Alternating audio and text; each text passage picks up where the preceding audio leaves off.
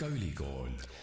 tere sulle, hea kuulaja, eetris on kolmanda hooaja värske TalTechi podcasti episood. mina olen saatejuht Kristjan Hirmu ja täna olen Delfi taskustuudios koos kahe külalisega. esimeseks neist on TalTechi meditsiinitehnika ja füüsika programmijuht Jelena Fomina. tere, Jelena! tere! Ja lisaks on täna külas ka Inga Moreva ja Inga, sina oled selles mõttes TalTechi podcastis huvitav külaline, et sa ei ole Tallinna Tehnikaülikooliga otseselt seotud, ega ju? tere, Kristjan! otseselt ei ole, selles mõttes ma kahjuks ei ole ise Tallinna Tehnikaülikoolis kunagi õppinud, aga hingeliselt olen, sest meil on koostööd ja meil on töötajaid Tallinna Tehnikaülikoolist väga hea, sina oled äh, sellisest ettevõttest nagu Byte Partner OÜ ja, ja sellest ettevõttest ja selle ettevõtte seosest Tallinna Tehnikaülikooliga me täna räägime ka, aga me räägime täna õppekavast, milleks on meditsiinitehnika ja füüsika. Ja Jelena, sina oled selle õppekava programmi juht Äh, räägi natukene sellest õppekavast lähemalt, millise teaduskonna alla see kuulub ja mida te seal õpetate, nii palju ma tean, et tegemist on magistrikavaga. just nimelt, tegemist on magistriõppekavaga ja see ongi see unikaalne magistrikava, kus me püüame nagu ühendada inseneeri ja meditsiiniteadmused. Ja see on unikaalne ka sellepärast, et kõik te teate, et meil on eraldi arstid, meil on eraldi insenerid aga kuidas neid ühendada just, just selleks, et nad saavad täida niimoodi eesmärgi, et näiteks kui arst teeb oma tööd ja siis tehnika aitab talle sellega. see õppekava kuulub äh, IT-teaduskonna. no meditsiinitehnika inimene mõtleb ja tõepoolest, kui sa lähed haiglasse täna või, või ka mõnda muusse meditsiini või terviseasutusse, siis eh, seda tehnikat on. Teisest küljest on meditsiinitehnikat eh, täna, ma usun, et ka iga inimese kodus, mulle endale Just meenub nii. kohe, et viimane meditsiinitehniline seade, mis ma oma koju ostsin, oli termomeeter, millega saab mõõta näiteks lapse kõrvast või otsmikult temperatuuri, see on ka ju meditsiinitehnika. see on ka meditsiinitehnika, see on ka meie valdkond. Tahakski küsida kohe, Helena, et, et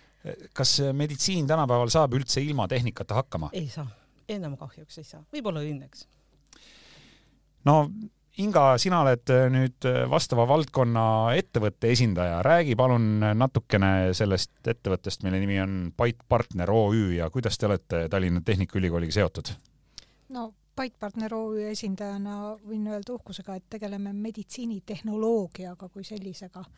ehk siis meditsiinitehnoloogia all tähendab äh, see seda, et me valmistame meditsiiniseadmeid ja oleme nende tootja ja see tähendab ka seda, et me lihtsalt ei pane kokku kellegi teise tellimuse alusel tooteid, vaid me teeme kõike algusest peale. me kuulame, mida meditsiinivaldkonnas vajatakse, ehk siis kuulame arste, laborante äh, ja vastavalt nende soovidele me disainime tooteid, me paneme nad kokku Äh, me sertifitseerime neid vastavalt meditsiiniseadme direktiivile, me toome nad turule, paigaldame, hooldame ja peame kinni sellest, et üks korralik meditsiiniseade peab vastama kõikidele nõudmistele, olema turvaline nii meditsiinitöötajale, kes seda kasutab, kui ka ütleme, andmetele, mida nendega käsitletakse. ehk siis oleme täpselt seal IT ja meditsiini keskel nii palju kui võimalik no ilmselgelt ei tegele te kõrvatermomeetrite ja, ja vererõhuaparaatidega kuigi ka need on väga tähtsad meditsiiniseadmed äh, aga isegi natuke... vatt muuseas on meditsiiniseade Aha. direktiivi kohaselt. aga, aga räägi sellest tehnikast natukene lähemalt veel, kui, kui on võimalik, et äh, mis, mis tehnika see siis on, on see suurte haiglate sisseseade, on need mingid eriti keerulised, eriti kallid aparaadid? Nojah, me ei tooda tooteid, mis oleks tavakasutusele ehk siis tavainimestele mõeldud, meie tooted on kõik meditsiiniprofessionaalidele ette nähtud. meil on kaks põhilist tooteliini, üks on siis operatsioonisaalide juhtimislahendus, eh, mida me toodame kaubamärgi all Ornet Surgery. Ja, ja see on lahendus, mis on ette nähtud opisaalidesse selleks, et ühendada kõik erinevad opisaalis olevad seadmed ühte võrku neid tsentraalselt juhtida opi ajal ja samas käsitleda ka kõiki andmeid, mis tulevad erinevatest infosüsteemidest haiglas opisaalidesse kokku ja teha võimalikult see töövoog nendele inimestele, kes tegelevad seal sõna otseses mõttes patsientide ravimisega ja elude päästmisega, teha see võimalikult mugavaks. Sest iga liigutus, iga hiire vajutus, iga seadme katsumine opisaalis on mingis mõttes risk, mida hinnatakse seal ja mida vähem sellist liikumist ja ja erinevate seadmete katsumist on, seda turvalisem on see keskkond kirurgidele ja õdedele, kes peavad keskenduma ainult patsiendile.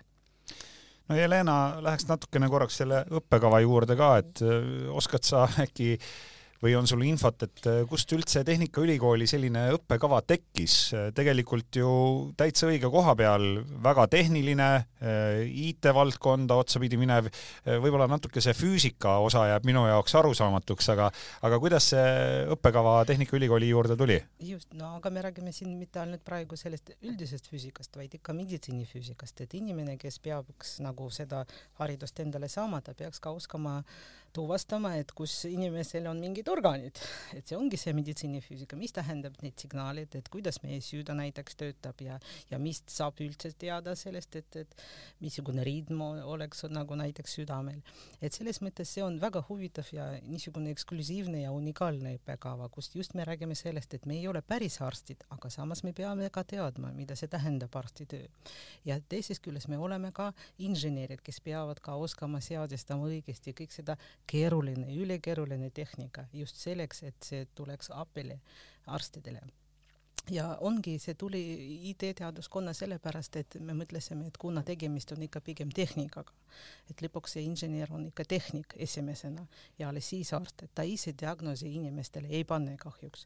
vaid vastupidi, ta teeb kõik selleks, et arst suudaks selle andmete alusel öö, panna õige diagnoosi inimestele sellepärast ta on ID-teaduskonna all. no siit eh, Tehnikaülikooli podcasti episoodidest on varemgi läbi käinud selline sõna nagu interdistsiplinaarne, et, et tundub, et see väga... õppekava on väga interdistsiplinaarne. on, on, sellepärast tõesti inimene, kes nagu saab sellest õppekavast hariduse endale, ta peaks aru saama, et tema käes nii tehnika kui ka inimene aga räägi natukene lähemalt nendest õppeainetest ka, mis selles õppekavas on, et ma saan aru, et seal võetakse siis nii-öelda anatoomiast kuni IT-ni neid aineid. kõik ained, täiesti niimoodi. Ja ongi sellepärast, et, et tehnika on praegu nii keeruline juba. Ja kui me räägime sellest, et me kasutame isegi tehisintellekti oma töös, siis me peame väga hästi aru saama, mida see tähendab, kuidas seda seadida, seadistada, kuidas seda nagu niimoodi teha, et see ei tule inimestele kahjuks nagu sellepärast kui me näiteks äh, oletame, et äh, me teeks niisugune nagu asi, et meie tehnika saab mingid valed andmed, mis siis arst teeb? arst paneb vale diagnoosi. Ja me kunagi ei tohi niimoodi seda lasta teha, sellepärast me arvame, et inimesed, kes tahavad just selle tehnikaga tegeleda, nad peavad väga hästi aru saama, mida see inimeste anatoomia tähendab. Ja sellepärast me anname kõik neid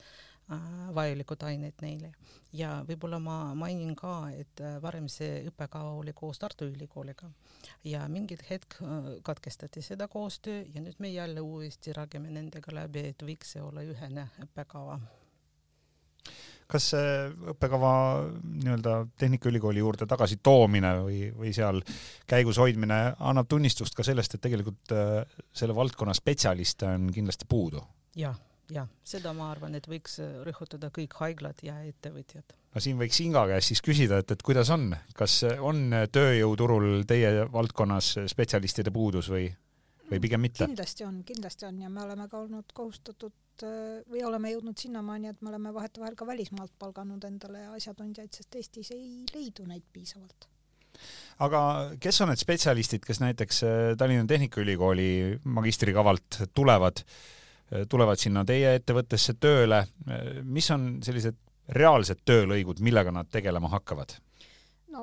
see oleneb inimesest, mis teda huvitab, sest tegelikult sellise hea meditsiinitehniku haridusega inimene suudab teha väga erinevaid töövaldkondasid äh, meie majas.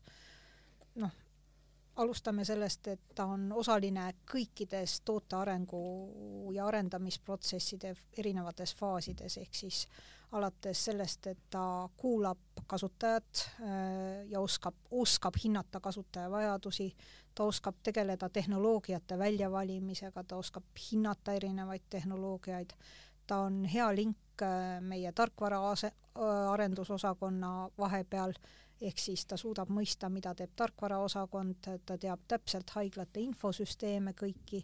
ehk siis ta suudab absoluutselt kõikides äh, protsessifaasides osaleda ja midagi ei ole parata, kui vaadata maailmas laialdaselt ringi, siis ka maailma parimad meditsiiniseadmete müüjad tihtipeale on, on äh, meditsiinitehniku haridusega, aga siis ka on see igapäevane meditsiinitehniku töö, mida võib-olla ülikoolis koolitatakse kõige rohkem, on see, et, et ka seadmete paigaldamine, hooldamine haiglates, kõige selle töövoo kontrollimine, et need seadmed tõesti on turvalised ja on, on head kasutada kõigile et ka see tavapärane töö on, on meditsiinitehniku töö osa, nii et meditsiinitehnikule leiab hästi laia ampluaa, mida ta saab teha vastavalt sellele siis, mida inim-, mis, mis inimest huvitab ja mis tüüpi inimene ta on. Jelena, millised on need inimesed, kes tulevad sinna meditsiinitehnika ja füüsika magistrikavale õppima, millise taustaga nad on või, või kus sa näiteks ise näeksid, et kas või Tehnikaülikooli seest võiks tulla tudengeid teile? noh,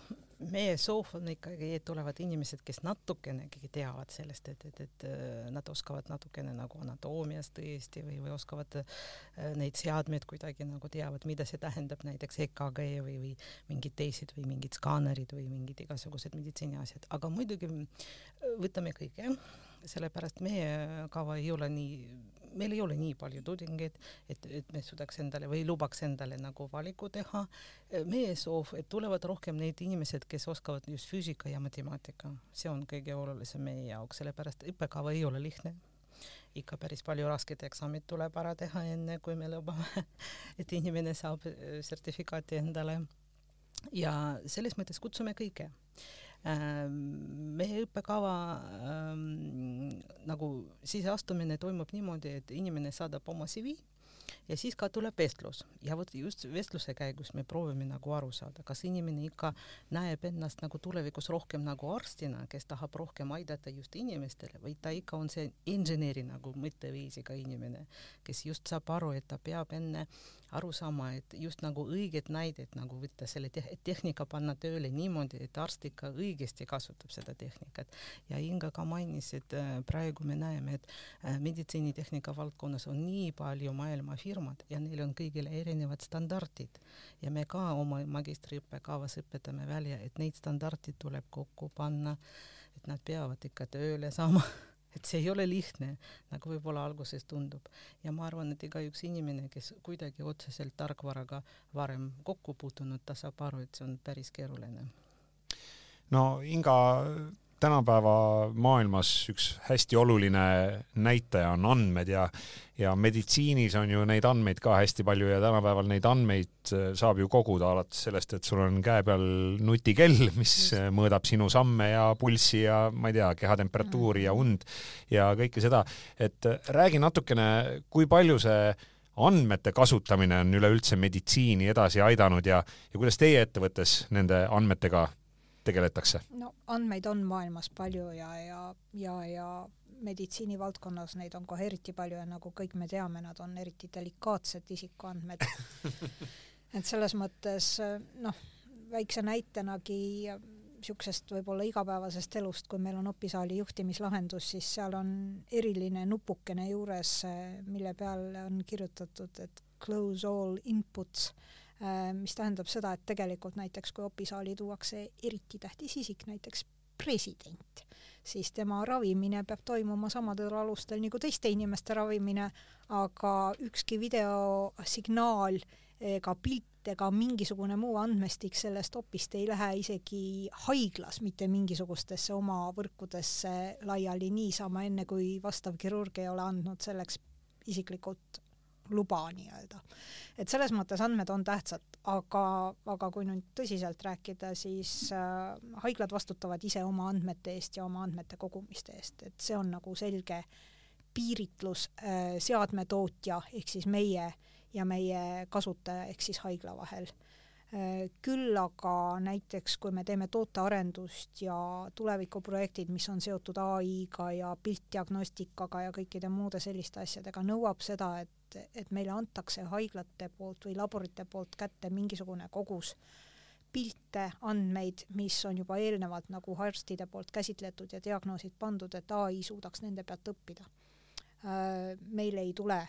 ükski nendest andmestikudest nii, et seal oleks patsiendi info peal, see on anonüümiseeritud andmed, ehk siis seal on öeldud näiteks, et patsient, naisterahvas, nii ja nii vana, meesterahvas, nii ja nii vana, seal ei ole mitte mingisuguseid muid andmeid, ehk siis hirm selle suhtes, et Eesti tootjate meditsiiniseadmete kaudu või üldse meditsiiniseadmete tootjate kaudu lähevad kuskilt personaalsed andmed lekkima, see ei pea paika, see ei, ei toimi niimoodi direktiivide alusel, ei toimi niimoodi ka reaalses elus. No mis puudutab veel tehnikat, siis mul on jäänud mulje, et, et viimasel ajal see tehnika kuidagi noh, ei tahaks öelda, et kestab vähem, aga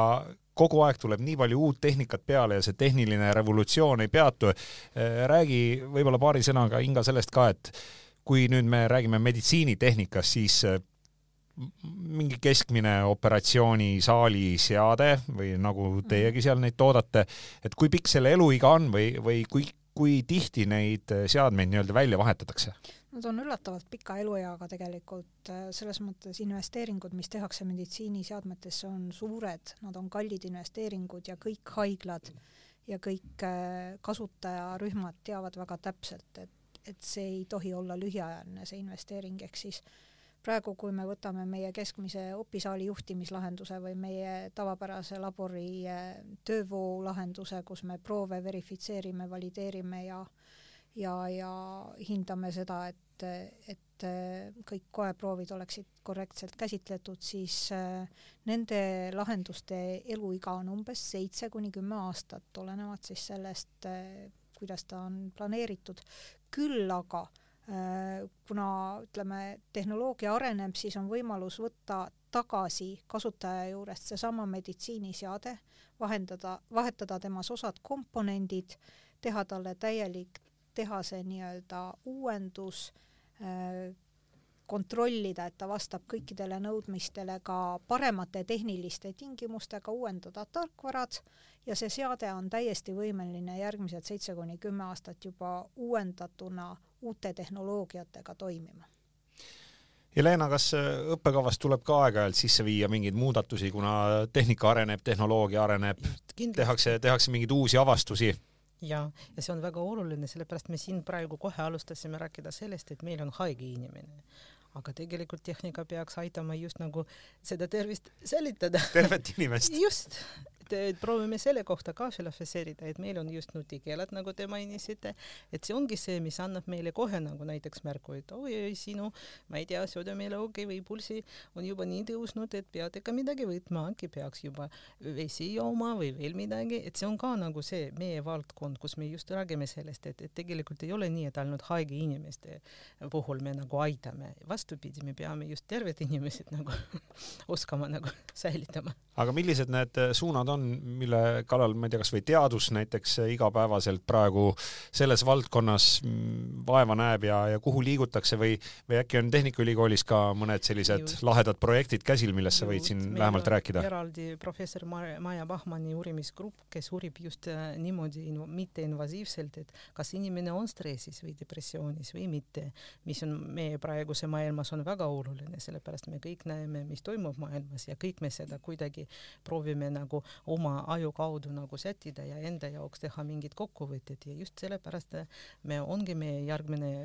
sajandi filosoofia, et kuidas teha niimoodi, et inimene ei satu haiglasse. nii et vaimne tervis on sama oluline kui füüsiline tervis? on kindlasti. Oskad sa äkki veel, ma ei tea, laiast maailmast mõne sellise huvitavama projekti või suuna välja tuua, et mille kallal veel teadlased no, praegu tegelevad? ülikoolis meil on Smart City projekt, targa linna projekt, kus me ka, meie uurimisrühm professor Ivo Fridoliniga nagu tõi välja, et tegelikult niisugune faktor nagu well-being inimeste omas, et, et mingid äh, näidikud, mis nagu just ütlevad, et selles linnas inimestel on väga mugav elada, et inimene on terve ja tunneb ennast ka hästi, et et jah, ülikool kindlasti sellega ta ka tegeleb ja nii teaduse mõttes kui ka õppevormis, jah. Inga, kas teie ettevõttes on ka nii-öelda mingi oma arendusgrupp, kes mõtleb uute tehnoloogiate või uute seadmete peale või, või kuhu suunda teie vaatate? no meie väikses firmas on kogu see firma üks suur arendusgrupp. me oleme seda meelt, et arsti siit maailmast mitte midagi ära ei võta, ehk siis lõpptulemusena ikkagi inimaju on see, kes teeb diagnoosi, meditsiiniseadmed on abivahendid meditsiinitöötajatele nende diagnooside tegemisel. me tegeleme Tallinna ülikooliga koos, Tallinna Tehnikaülikooliga koostöös projekti raames käesoleval hetkel sellega, et üritame parandada meie patoloogide võimekust teha diagnoosi põhja natukene kiiremini ja paremini, ehk siis et suudaksime koeproovidest juba varakult ja kiiresti ai abiga panna paika selle potentsiaalse tuumori öö, suurused, mõõtmed, värviskaalad, kõik muud sellised asjad, mis võimaldavad kiiremini võib-olla patoloogil teha lõplikke otsuseid, et mis selleks diagnoosiks siis ikkagi tuleb. Ja, ja seal me kasutame kõiki tänapäevaseid äh, lahendusi, nii ai-d kui kui äh, piltdiagnostikat kui ka kindlasti kõiki neid äh, häid lahendusi, mis tulevad nii robootikast kui tarkvaraarendusest kui kõigest sellest, et see on selline kompleks komplekstöö, kus äh, väga erinevaid oskusi on vaja ja mida me kasutame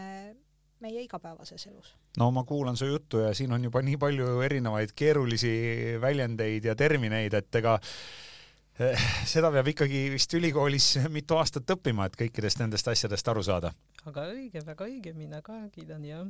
et tõesti, sellepärast me kutsumegi, et inimesed, no eriti praegu meil maailmas peavadki saada sama haridust. aga, aga siin on ka see teine asi, et ega noored inimesed päris täpselt ei tea, mida nad tahavad teha Just. ja, ja mis neile meeldib või ei meeldi meil on olnud selles mõttes toredaid kogemusi, et meile on tulnud äh, majja sisse inimesed, kes näiteks on veendunud, et nad tahavad teha tarkvaraarendust või, või on lõpetanud äh, baka mõnes teises valdkonnas kas TalTechis või kuskil mujal, nad tulevad, nad teevad natukene aega meie majas tööd, selleks ajaks, kui on praktikad ja tehtud ja baka läbi, siis äh, on olnud päris tore kuulata, kuidas nad on ütelnud, et iseenesest see on põnev, mis me teeme siin, et ma nüüd võiksin minna magistrit tegema edasi äh, kas või näiteks meditsiinitehnikuks või, või mõneks muuks e-tervise valdkond on väga popp. et TalTechis on palju selliseid valdkondasid, kuhu, kust äh, need inimesed, kes on meie juures praktikal käinud, on edasi läinud õppima TalTechi just. jah, ja võib ka lisada, et tegelikult kõik valdkond omavahel nii hästi seotud mm. et kui näiteks tõesti on huvi edasi arendada ennast, siis on ka doktoriõpe no ma just tahtsin selleni jõudagi, et kui magistriprogramm on läbitud, et siis kas samal alal on võimalik ja, jätkata ka teadustööga? just, pakume seda ja isegi pakume niimoodi, et valige endale teema, mis teile pakub huvi ja siis me otsime teie jaoks nagu vastava professori. kui heaks sa üldse Tallinna Tehnikaülikooli taset selles valdkonnas hindad, kui sa näiteks maailma mastaabiga võrdled? See võib olla raske hinnata niimoodi, et mina ise ei ole seda programmi kahjuks läbinud, aga samas ma näen, et, et see on väga suur perspektiiv tulevikus, et tõesti tehnika läheb nii keeruliseks ja inimesed kahjuks ei jää tõesti terveks. et neil on vaja abi. on sul võib-olla, ma ei tea, informatsiooni või olete kogunud seal andmeid, et eh, mis vilistlastest veel saab, et, et kas keegi läheb eh, tööle välisriiki, hakkab tegema teadustööd? jaa, sellepärast meie õppekavas me anname ka materjalid inglise keeles, mis tõesti annab inimestele võimaluse võimalus nagu saada neid õigeid terminid, mis nad saavad edasi kasutada. Ja meie vilastlaste kohta mul on isegi äh, väga hea nagu nimikiri neid äh, edukaid vilastlased, kes meil oli, ma võin lihtsalt nagu paar sõna äh, ette tuua, et Jaanus Laas, kes on praegu Eesti Biomeditsiinitehnika ja Meditsiinifüüsika Ühingu president Andrus Paats, Põhja-Eesti Regionaalhaigla, haigla meditsiinitehnika teenistuse direktor Ed, Eduard Greškevitš, Põhja-Eesti Regionaalhaigla kirjutusravikeskuse meditsiinifüüsika talituse juhataja Marko Parve, Ida-Tallinna Keskhaigla meditsiinitehnika teenistuse juht. Ja viimasena ütlen, et Joosep Kepler, kes on Pärnu haigla meditsiinitehnoloogia teenistuse juhataja. Et väga tuntuvad isikud Eestis. no TalTechi podcasti episoodidest on tegelikult äh, läbiva teemana läbi käinud pea alati see, et äh, ükskõik mis õppekavast või ükskõik mis erialast me ei räägi, Eestis on spetsialistide puudus, meil on spetsialistide põud no me isegi räägime, et meil on arsti puudus ka. Aga Inga, kui, kui sa nüüd nii-öelda oma ettevõtte vaatevinklist veel räägid, siis kes on need, kes äh, teile võiksid tööle tulla, kas siis siitsamast äh, Tallinna Tehnikaülikooli magistrikavalt meditsiinitehnika ja füüsika? ma arvan, et kõik meditsiinitehnika lõpetanud spetsialistid ja isegi enne seda, kui nad on lõplikult lõpetanud, on teretulnud praktikale meie juurde juba ühel lihtsal põhjusel. me oleme ettevõte ikkagi, kelle, kelle tooted lähevad peamiselt Põhjamaadesse, et eh, me, meie kliendid, meil on üle saja opisaali tehtud ja me oleme ikkagi turuliider käesoleval hetkel makropatoloogia lahendustes Põhjamaades, et ehm, meie meie juures leiab see inimene selle võimaluse, et ta näeb ka seda, mis toimub välismaal, ta saab käia meie klientide ja kasutajate juures erinevates riikides ja ta saab selle tunnetuse kätte, mida tähendab rahvusvaheline meditsiin, me oleme süstemaatiliselt käinud ka terve firmaga erinevatel messidel, näiteks viimati käisime, osalesime Saksamaal Medica messil EAS-i abiga ja seal oli meie kogu meeskond äh, kaasas mitte lihtsalt messil nagu presenteerimas meie tooteid, vaid vastupidiselt vaatamas seda, kuhu maailm areneb ja mida nad äh, veel teised teevad meditsiinivaldkonnas, et selles mõttes sa ei saa tulla tööle meie juurde ainult selle kooli teadmisega, vaid sa pead ka pidevalt hankima endale seda infot juurde, mis maailmas toimub ja selleks äh, tuleb võtta aega ja ennast ise koolitada juurde, käies, vaadates, kuulates, õppides no üks äh, meditsiiniharu, millest äh, viimasel ajal ka minu meelest hästi palju räägitakse, on personaliseeritud meditsiin ja kõik see, et, et Jelena, kui sa nüüd selles valguses mõtled, siis ilmselt sama, sama asi, et, et teie valdkonnal on hästi-hästi suur tulevik. Just, ja Inga ka rääkis sellest, et tegelikult noh, kui, kui vaadatakse meditsiinitehnika ja füüsika õppekava kohta, siis kohe millegipärast nagu mõeldakse, et see on töökoht ainult haiglas, aga tegelikult ei ole. me just tahtsimegi täna äh, päeva rõhutada, et tegelikult väga palju ettevõtteid, kes sellega tegelevad ja väga palju ettevõtteid, kes pakuvad just inimesed on kõik erinevad ja üks inimene tahab näiteks meeskonnatöö rohkem osaleda, ei, ei taha eriti isiklikku vastutuse endale võtta, teine tudeng näiteks vastupidi ütleb, et ma tahaks mingit niisugune loovtööd endale saada. et just meie eesmärk täna tuua, et, et ettevõtted pakuvad erinevaid võimalusi peale lõpetamist seda haridust saamist. Ja seda haridust pakub siis Tallinna Tehnikaülikool. Ja, ja sisseastumine käib käib ja avaldusi saab, avaldusi saab äh, anda. just, ja mina tahan ka rõhutada, et kui tekivad mingid küsimused või näiteks ei ole kindel, et kas teie background sobib selles, et tulge palun, me oleme valmis rääkima ja selgitama ja võib-olla mingid lisakoolitused ka pakkuma. nii et äh, kõigepealt siis võiks üles otsida TalTechi IT-teaduskonna ja sealt edasi siis juba meditsiinitehnika ja füüsika. jah, väga õige no tänane jutt on olnud väga põnev äh, ja ma räägin, et äh, see, see valdkond tundub siin vähemalt äh, kohal viibijate suu läbi küll selline, et, et siin töö otsa ei saa ja vastupidi, et siin alles suuremad arengud on ees. Inga, mis võiks olla mingi järgmine suur probleem, mille teie ettevõte ära lahendab? oi kui hea küsimus no, või taha, mida, või mida sa ise tahaksid ta, ära lahendada tahak,? tahaks ju öelda seda, et me tahaks muutuda nii tähtsateks, et ilma meieta maailm meditsiinivaldkonnas ei pööriks, aga aga realistlikult öeldes äh, iga hetk, kui me suudame teha niigi juba väheste äh, turul olevate arstide, meditsiinitöötajate elu kas või nagu natukenegi lihtsamaks, oleks see juba suur saavutus meie jaoks ja ja ma arvan, et Äh, läbipõlemist meditsiinivaldkonnas äh, oleks tunduvalt vähem, kui tehnoloogiad natukene aitaksid kaasa sellele, et äh, inimestel on lihtsam, mugavam, turvalisem ja, ja nad saavad oma, keskenduda oma, oma tööle ja oma, oma ajude kasutamisele, mitte nad ei mõtle selle peale, et kuidas mingisugust lihtsat protsessi teostada äh, ma arvan, et see oleks juba meie jaoks piisavalt suur challenge ja, ja, ja me oleme meditsiinivaldkonnas, noh, firmana me oleme kakskümmend aastat nüüd tegutsenud, aga meditsiinivaldkonnas üle kümne aasta ja tundub, et tegelikult äh, tööpõld on suur ja lai ja ideid on palju, äh, jõuaks ainult kõik ära teostada. Ja vaatan siit veel, mul on ette antud ka väike nimekiri, näiteks äh, Tallinna Tehnikaülikooli IT-teaduskonna Tervisetehnoloogiate Instituudi teadussuundadest siin väike ülevaade. biovedelike optika, nutikate tööriiete arendamine, neeruasendusravi kvaliteedi monitooring, aju elektriliste võnkumiste ja kognitiivsete protsessidega seotud bioelektriliste signaalide analüüs ja nii edasi ja nii edasi ja just, nii edasi. just ongi neid väga, väga niisugused ära, ära ehmata inimesi. just, aga samas me, me, me ootame inimesi just selleks, et, et tõesti, kui inimene tuleb ja tal on konkreetne soov millega ta tahaks tegeleda edasi, siis meie oma poolt teeme kõik paremat selleks, et ta saab sellega tegeleda. Jelena, veel üks küsimus, kui teile tuleb eh, tudengikandidaat, kes on võib-olla juba natukene küpsemas eas, kes käib ka tööl, kellel on juba pere, kas ta suudab selle kõige kõrvalt ka veel koolis käia? vot keeruline keeruline kindlasti, aga samas ma tahan rõhutada, et meil on praegu, meie õppekava on praegu sessioonõppes, mis tähendab, et tõesti, kui inimene kuskil mujal juba töötab, siis tal on võimalus osale see info nagu äh, saada kätte näiteks interneti kaudu, et mingid salvestatud ette loengud või näiteks mingid materjalid, et äh, kontaktõpe toimub äh, kümne kuni viisteist protsendi kontaktõppes, et ehk loengud, päris klassikalised loengud, muidu on sessiooniõpe, aga samas ma, me näeme ka seda tendentsi, et inimesed, kes, kes tulevad tulevad meie juurde, nad on juba saanud kogemus kuskilt nagu tööalas.